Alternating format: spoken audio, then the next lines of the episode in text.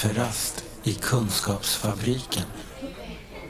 Välkommen till Kafferast i Kunskapsfabriken, Vanja Holmgren. Tack så mycket.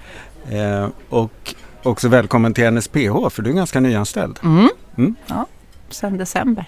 Just det, och jobbar i vårt projekt som heter Mötesplats anhöriga samsjuklighet. Mm. Och det ska vi prata lite mer om. Men vi ska prata också om dig och den föreningen som du kommer ifrån som heter Föräldraföreningen mot narkotika. Ja. Den är ganska gammal va? ja, själva föreningen startade nog någon gång på 60-talet. Ja. Och sen jobbar ju jag Mm. på själva Stockholms lokalförening då, för det finns runt om i landet föreningar. Och ni har varit med i NSPO sedan vårt nätverk startade. Gissningsvis, ja. Ja. Mm. Sen vet jag att ni hade det lite tufft som många av våra organisationer har under vissa år. Att ni inte var med så mycket för ni hade, det var liksom svårt att hålla ångan uppe i förbundet, eller föreningen själva tror jag. Mm. Eh, Men s- det drabbar ju flera av våra organisationer. Mm. Och det skulle man kunna säga är ett av skälen till att det är rätt bra att samarbeta i nätverk. Ver- verkligen, Mm. jättebra att samarbeta och känna till varandra och ibland kan man vara mer aktiv och ibland är man lite Mm. passiv. Hur länge ungefär har du varit med? Alltså som jag jobbat I FMN? I FMN. Mm. Ja, jag har ju sagt att jag är dålig på det här med år, men sex, sju år skulle jag Ja, gissa just att jag har jobbat. Hur hamnar du i FMN då? Mm. Det gjorde jag, det var så här att jag under många år slet med att jag har två barn som under flera år eh, själva hade en beroendeproblematik båda två. Eh, kombinerat med en massa annat strul och utmaningar. Eh, och jag slet i min ensamhet som förälder, som många gör. Eh, och fick höra talas om FMN, att det var en, liksom en stödförening för anhöriga. Eh, jag tror att det tog ett år för mig att lyfta på luren eh, och höra av Från mig. det att du hade hört talas Ja. om? Och det tänker jag är inte så ovanligt kanske både för anhöriga och, och drabbade eller brukare att det, det ska till rätt tillfälle. Mm. Liksom att, att ta det här steget. Vad hände när du lyfte på luren då? Nej men då fick jag prata med någon trevlig person och snabbt så fick jag en tid för ett första samtal. Och vad som var så speciellt och vad som kändes så bra var att jag träffade någon som både var van vid att träffa anhöriga men som var väldigt öppen med sin egen anhörigerfarenhet. Mm. Ehm, det var liksom som en, det kändes tryggt. Ja, det. Mm. Trygghet är viktigt i möten. Ja. Och den här identifikationsmöjligheten. liksom. Mm. Mm. Och rädslan att bli dömd, kritiserad, ifrågasatt. Mm. Eh, tänker jag både anhöriga och, och andra personer som sliter med saker och ting är ju oroliga för. Ja, Så det. Mm. Kände du mycket sådär skam och sånt kring eller liksom, liksom hur var den där känslan med att bära, bära det där som var din erfarenhet? Ehm. Kanske inte så mycket skam. Jag var ganska öppen med det som pågick. Men jag tror att jag slet mycket med mm, någon slags kanske självklander, en tanke och en idé om att jag hade brustit som förälder, Mm. att eh, jag borde reda ut det här själv, att ehm, mm, ja, det var min uppgift att få ordning på det här svåra. Ja, just det. Mm. Och då blir det ju, ja just det, och då blir det ju, då förstår man ju varför det tar ett år att lyfta luren. Mm. Mm, just det. Det är mycket som studsar i huvudet. Ja, och kanske också en, en, en viss uppgivenhetskänsla. Jag hade ju varit i kontakt med andra ställen, Maria Ungdom och ställen där, där man som, det är ju lätt som förälder eller anhörig att man tänker åh, nu äntligen liksom, nu, nu kommer mina barn att få kvalificerad och adekvat hjälp och sen kanske man inte ens får dit dem eller eh, det händer inte så mycket eller så. Så jag tror att det kanske fanns en viss uppgivenhet också. Mm. Det här med vad... Och tänka ibland det här klassiska som man känner som anhörig, ja men det är inte jag som ska ha en massa stöd och hjälp utan det är ju de som ska Ja, ja. bli bra. Och sen kan ju jag börja leva. Just det. Mm. Mm, hur lång tid tog det innan du upptäckte att du själv behövde hjälp då? Eh, alltså det, det blev väl väldigt tydligt när jag kom i kontakt med FMN därför att där har vi, säger jag nu eftersom jag själv jobbar där då, men där har vi så mycket fokus just på den anhöriga. Mm. Den, den anhörigas liksom mående, livssituation, vad går att göra eventuellt för förändringar, vad behöver man för stöd? Så att vi fokuserar ju inte primärt på vad kan göras för den närstående eller den som liksom har ett beroende. Utan mer vad kan du göra parallellt med att det är svårt eller det här händer med den som står dig nära. Och vad kan du då göra för att ta hand om dig själv? Ja. Ja, just det. Mm. Ehm, Men också kanske, vad kan du eventuellt förändra i din kommunikation eller strategier som kanske också kan förhoppningsvis leda till en förändring hos den, den andra personen. Då, då. Ja, just det. Är det en Mm. risk att man liksom det stöd man försöker ge till den som har beroendeproblematiken blir så intensivt att det inte blir bra? Eller att man vill så mycket där att, eh, Ja, så att man både försummar sig själv och ändå inte ger ett så bra stöd till den som behöver hjälpen? jag tror att det är jättelätt hänt. Jag brukar säga så här, när kärlek blandas med oro, då blir det svårt. Mm. Eh, därför att om vi pratar utifrån den anhörige så vill man så mycket. Man vill rädda, man vill hjälpa, man vill fösa personen i det vi tycker är rätt riktning. Hur ska jag få honom eller henne att göra det här som jag tycker skulle vara så bra? Så att, så att där tänker jag att den anhörige behöver också hjälp med att det kan vara allt från att backa eller börja kommunicera på ett annat sätt. Hitta sätt att själv ta hand om min oro, min ångest, mitt kontrollbehov, mitt sätt att hantera katastrofer. Fick du hjälp med det? Ja, absolut. Mm. Eh, först och främst så fick jag hjälp med att liksom få tillbaka lite fokus på mig. Mm. För jag var ju bara där ute och tänkte liksom vad de borde göra, vad jag måste göra för att hjälpa dem. Eh, blandat med eh, tjat, ilska, sorg, eh, förtvivlan, uppgivenhet liksom. Just det, Ja. vilken härlig treenighet. Ja, eh. Mm. Men ehm, lyckades du hitta liksom en ny position då i förhållande till dina barn? Ja, jag tyckte att jag fick hjälp att liksom fördela mitt fokus.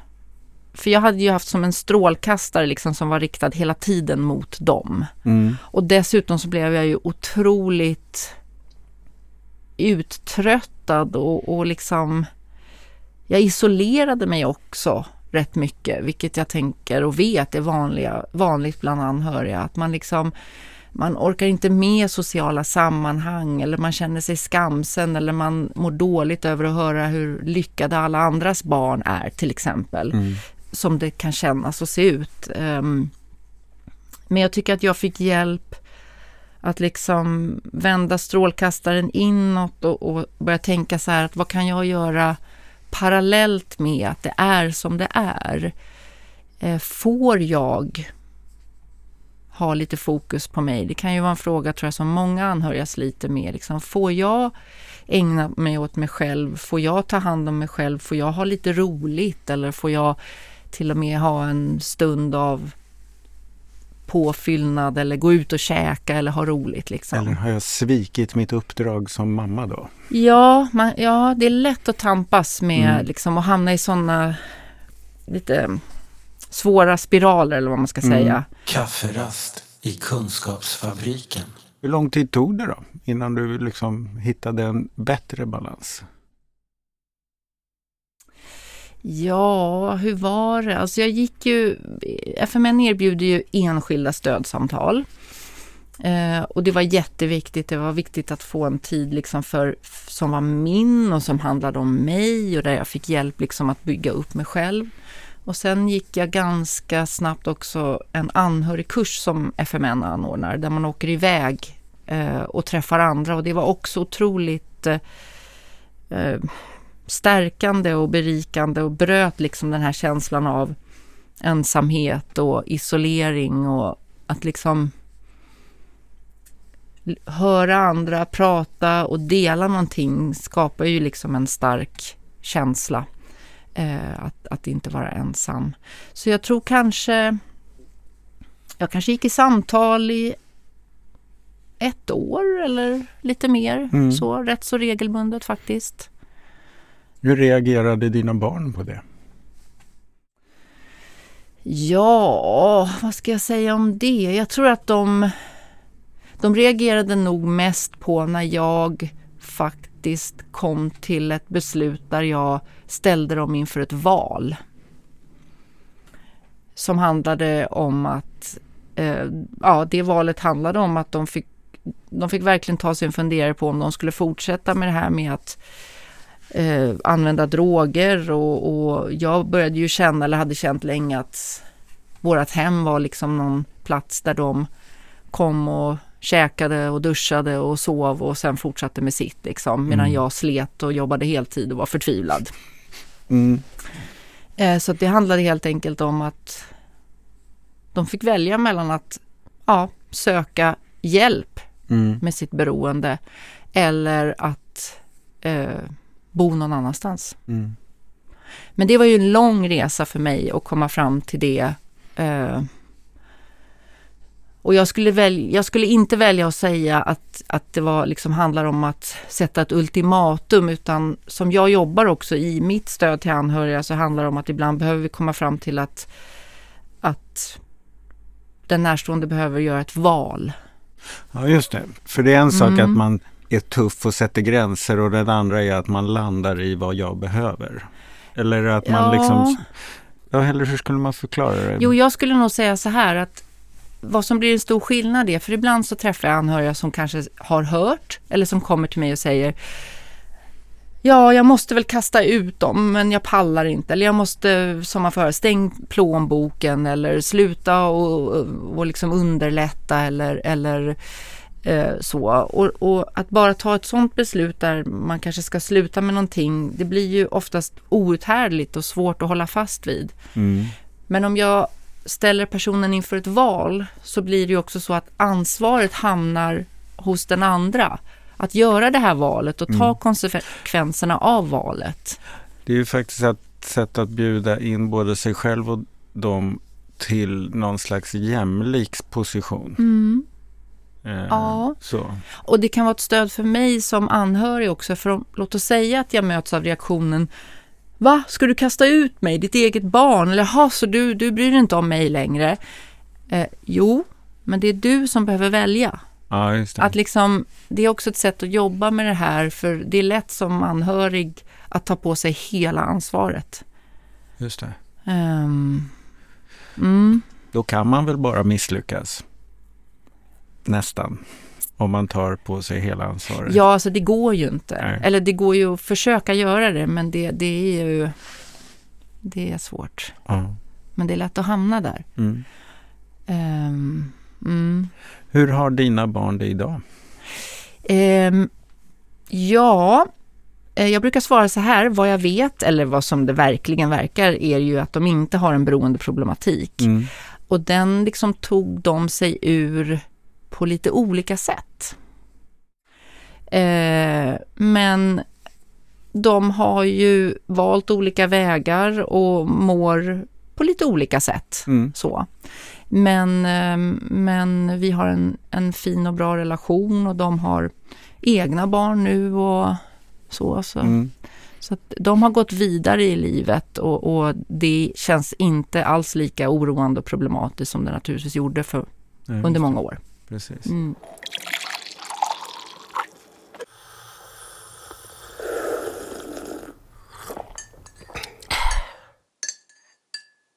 Var det också så att du brottades mycket med, med så att säga, samhällets insatser och försökte få vården att funka eller handlar det mer om att skjutsa på dina barn i en viss riktning?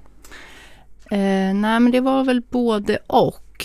Eh, jag tänker dels det här med när det äntligen kanske blev någon kontakt med någon form av vård eller behandling så fanns det ju en jättestor förhoppning hos mig att nu, nu, nu äntligen ska de komma till folk som kan det här och som ska ta över och rädda dem liksom. Eller tvinga dem eller liksom mm. att de ska känna och förstå att det här blir jättebra för mig. Och, och, så blir det ju inte alltid. Och ibland så funkar det inte alls, ibland så tar det väldigt lång tid och sen efteråt är det ju svårt att veta riktigt vad var det som funkar eller vad var det som mm. gjorde skillnad. Just det, det där måste ju mogna inifrån dem ja. också. Mm.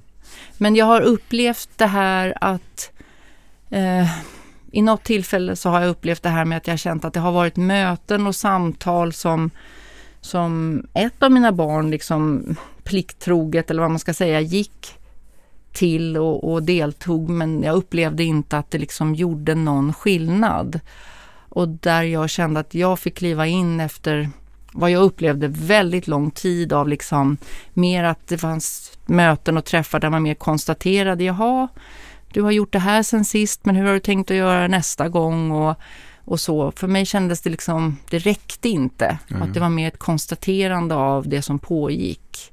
Mm. Och eh, där gick väl jag in vid något sånt här lite större möte där flera var samlade och bara sa att nu kan vi inte fortsätta så här. Det, Nej, det.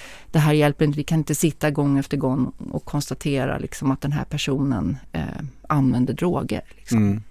Nej, just det. För, för, syftet var ju ändå att försöka bryta det. Ja. Men handlar det också om att eh, eh, ditt barn i det fallet inte var motiverad att sluta eller var det så svårt? Var det en så starkt beroende? Jag vet inte riktigt vad jag ska svara på det.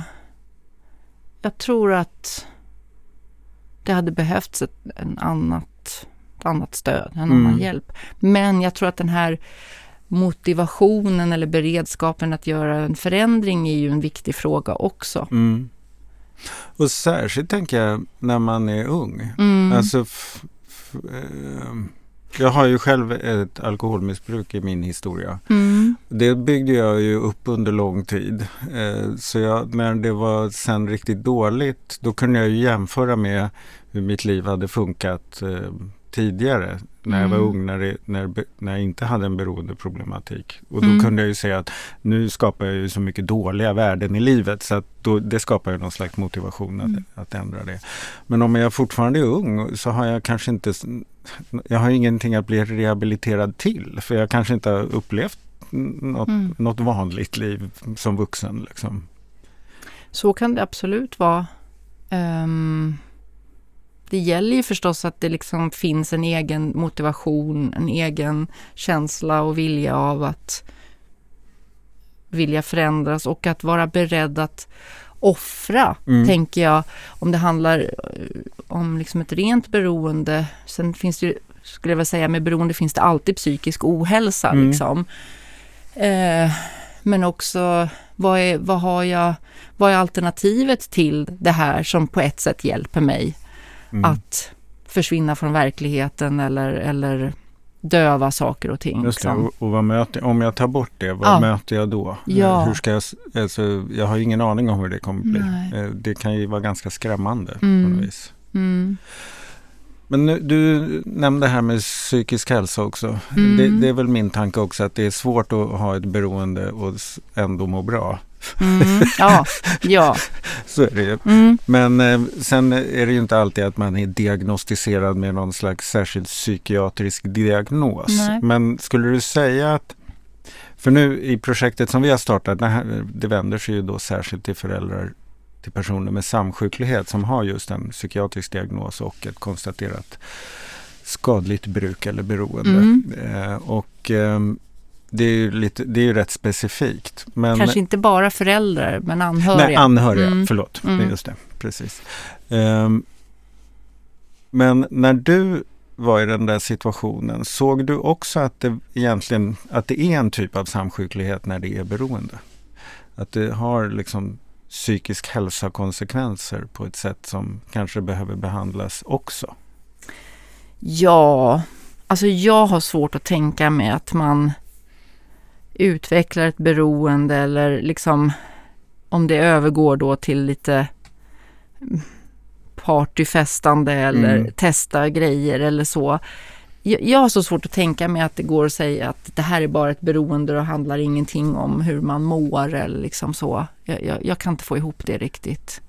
Plus tänker jag att ju mer du använder desto mer utvecklar du också beteenden som också blir psykisk ohälsa. Liksom att Mm. leva i förnekelse, Mm. att leva i lögner, att ehm, utveckla andra beteenden som också blir liksom, som inte blir bra för dig eller för din omgivning. Just det. Mm. Som man mycket väl kan utveckla utan ett beroende. Men har du ett beroende så kommer det nog Ja. med posten. Ja. Just det. Och det sliter ju anhöriga hårt med, Mm. tänker jag. Att, att utsättas för ibland hot, hot om våld eller aggressivt beteende eller lögner eller eh, att, att eh, ens barn eller närstående stjäl av en eller eh, liksom är respektlös eller hotar. Och det är ju någonting som är väldigt svårt eh, Mm. för anhöriga. Mm. Och när det då handlar om en person som står dig väldigt nära liksom, så, så blir det väldigt svårt. Men sen blev du alltså terapeut på FMN också. Mm. Hur gick det till då? Ja, hur gick det till? Jag gick ju själv i samtal och gick den här anhörigkursen och så gick jag faktiskt hos en, en rådgivare då som vi kallas på, på FMN eh, som skulle gå i pension och som först tyckte att, ja, tipsade mig om att engagera mig i styrelsen i våran förening. Eh, och sen så behövdes det ju en ny person att jobba med samtal och jag var rätt sugen på att byta jobb och eh, plugga också så att jag, jag sökte det jobbet och, och började efter ett tag eh, utbilda mig till samtalsterapeut parallellt. Så att eh, det, det var ju en, en spännande resa liksom från, från ena stolen till den andra. Mm. Ja, just det. Eh, mm. Hur känns det idag då? Alltså det känns ju, det känns jättebra på det sättet att det som var väldigt svårt i mitt liv har också lett till att jag gör någonting som jag brinner för och är engagerad i och där jag känner att jag kan vara till stöd och hjälp. Mm. Och det ger väldigt mycket. Mm. Ehm, mina barn brukar ibland liksom i olika samtal eller har ibland sagt med men mamma hur, hur orkade du med oss? Vad rart ändå. ja, det är jätterart. Det är det verkligen. Ja. Eh, och jag vet inte vad jag brukar svara. Mitt spontana är väl bara, men det bara måste jag. Eller det fanns ju så mycket annat Mm. också. Men också att, att eh, det är väl lite att, att se det positiva i det, att det har ju dessutom lett till att jag har liksom jobbar med någonting som, som ger mig väldigt mycket och som eh, ja, det. eh, blir en hjälp för andra också. Det är intressant det där. Det där är ju väldigt mycket skulle jag säga någon slags ryggrad i våra organisationer. Att även om det jag råkat ut för inte har en mening i sig Mm. så kan jag använda erfarenheten till något meningsfullt. Så blir det meningsfullt. Ja, just det. Eh, det är speciellt. Mm. Ja. Mm. Det är ju en stor hjälp i det här som jag själv upplevde i, i mötet med den anhöriga, att det liksom avväpnar, det skapar trygghet och allians på Mm. en gång. Liksom. Mm.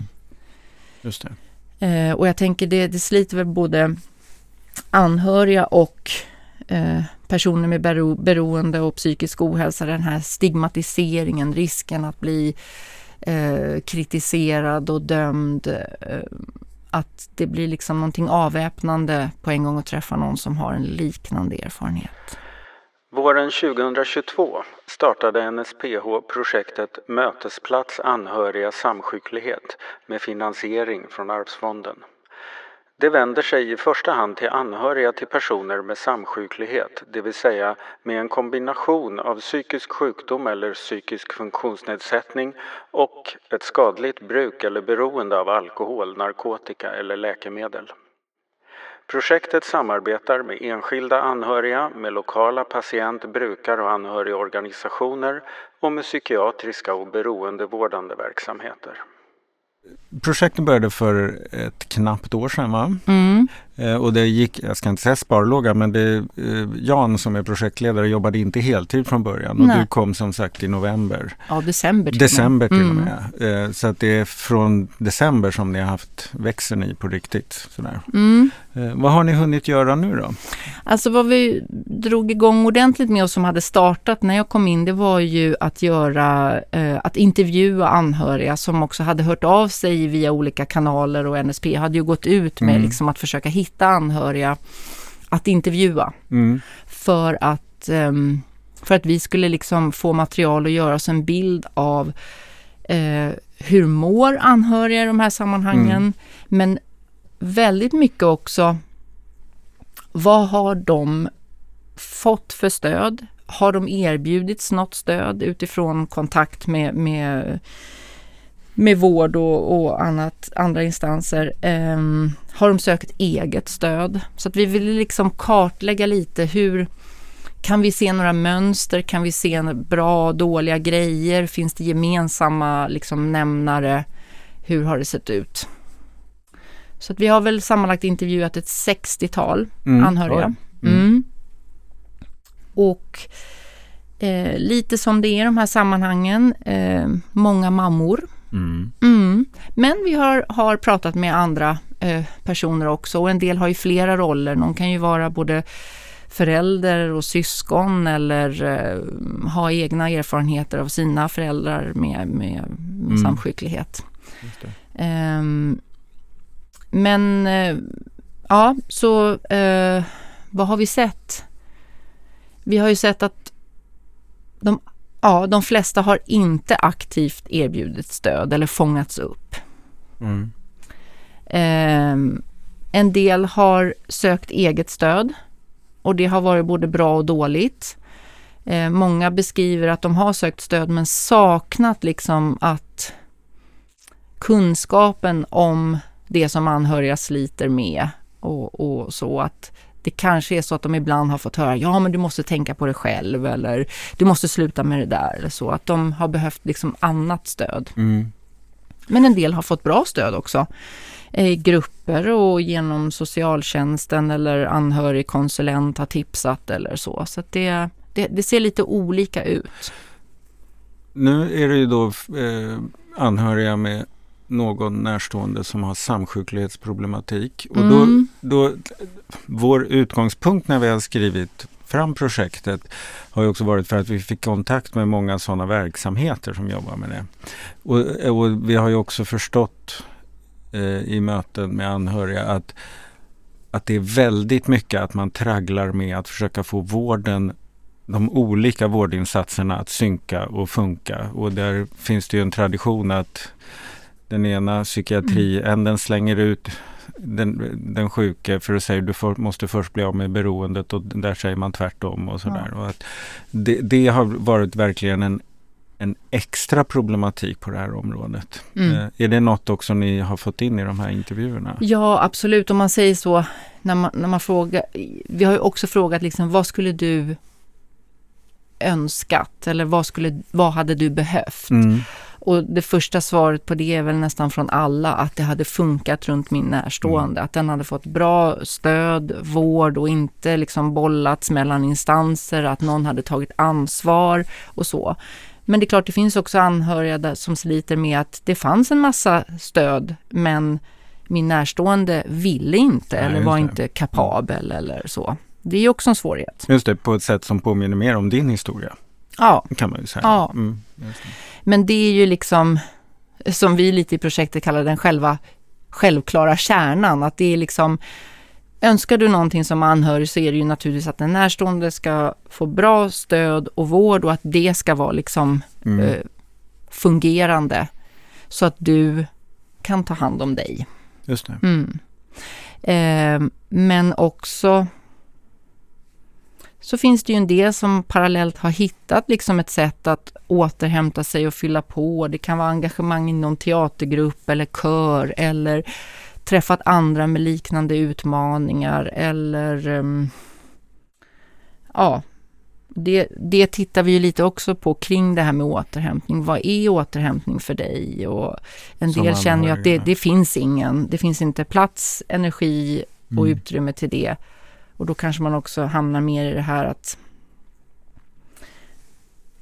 jag måste fixa allt för min närstående först. Sen kan jag kanske börja ta hand om mig själv. Mm. Det är lite riskabelt. Det är riskabelt. Mm. Och där blir väl, tänker jag, mitt jobb både i FMN och som anhörigstödjare liksom att titta på möjligheten att parallellt, mm. liksom, vad kan jag göra under tiden? Hur vet vi vad som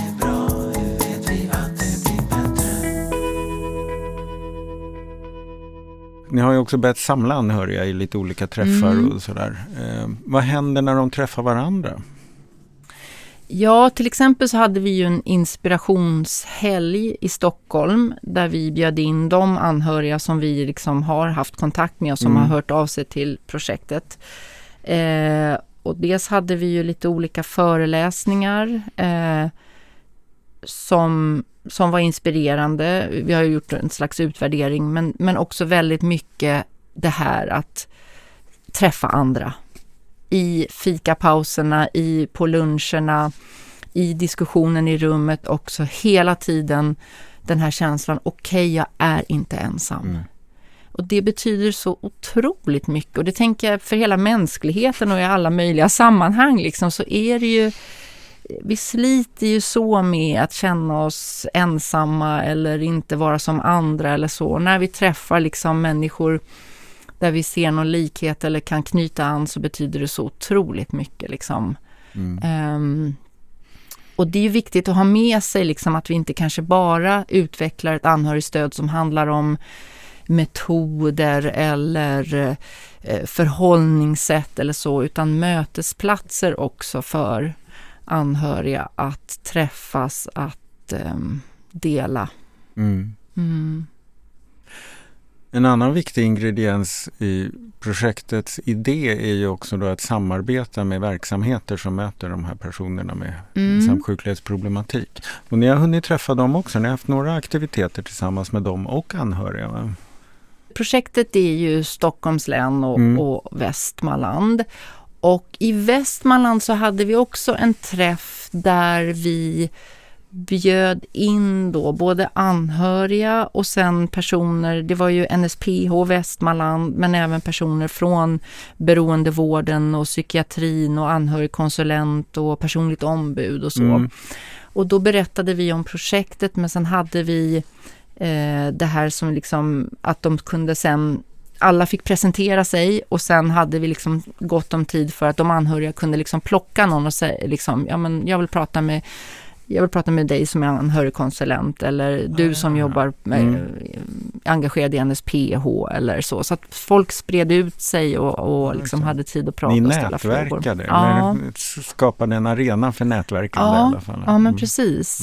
Mm. Mm. Och sen har vi ju ehm, med hjälp av NKA.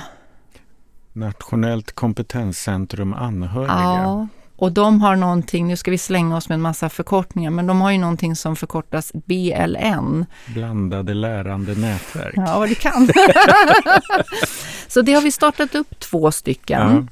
Ett i Västmanland och ett i Stockholm. Och där em, är det ju också då med anhöriga, med till exempel anhörigkonsulent, med person från psykiatrin, personligt ombud.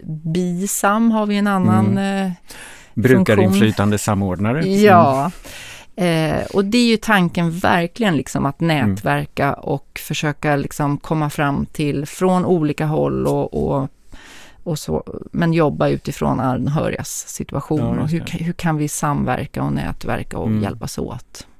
Jag tycker det var spännande när vi skrev fram det där projektet att försöka greppa den här anhörigsituationen utifrån lite olika perspektiv. Dels vad behöver anhöriga för att eh, inte kollapsa själva eller liksom hantera situationen. Mm. Det är en sak.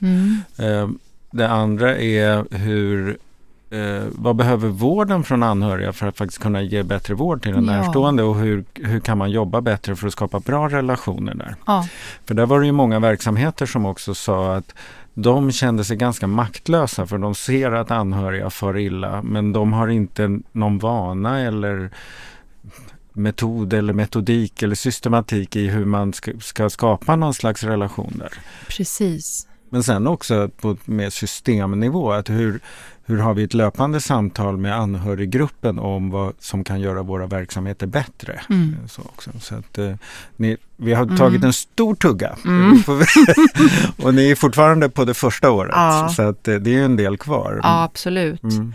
Och det är väl det som är, tänker jag, nytt för mig att jobba i projekt också, att man kan ju få så mycket idéer och vissa grejer får man liksom lägga åt sidan och Ja. säga vi behöver fokusera på det här för vi kan inte ta allt på en gång. Nej. Och det kanske kan bli någon fortsättning eller eller så, för tanken är ju naturligtvis med projektet att det inte ska bara vara ett projekt där vi konstaterar en massa saker utan hur ska saker och ting kunna leva vidare också. Mm. Just det, dels pröva vad Ja. som verkar funka och sen hitta Mm. ett sätt som gör att det vill fortsätta av Ja. sig självt. Ja, det. Men det här som du sa, dels tänker jag med, med de som jobbar i vården som naturligtvis många gånger också är totalt pressade av både arbete och ekonomiska grejer och så. Och att liksom, vad är deras uppdrag? Det är klart. Så Mm. det, det, vi måste ju jobba från alla möjliga håll, tänker jag.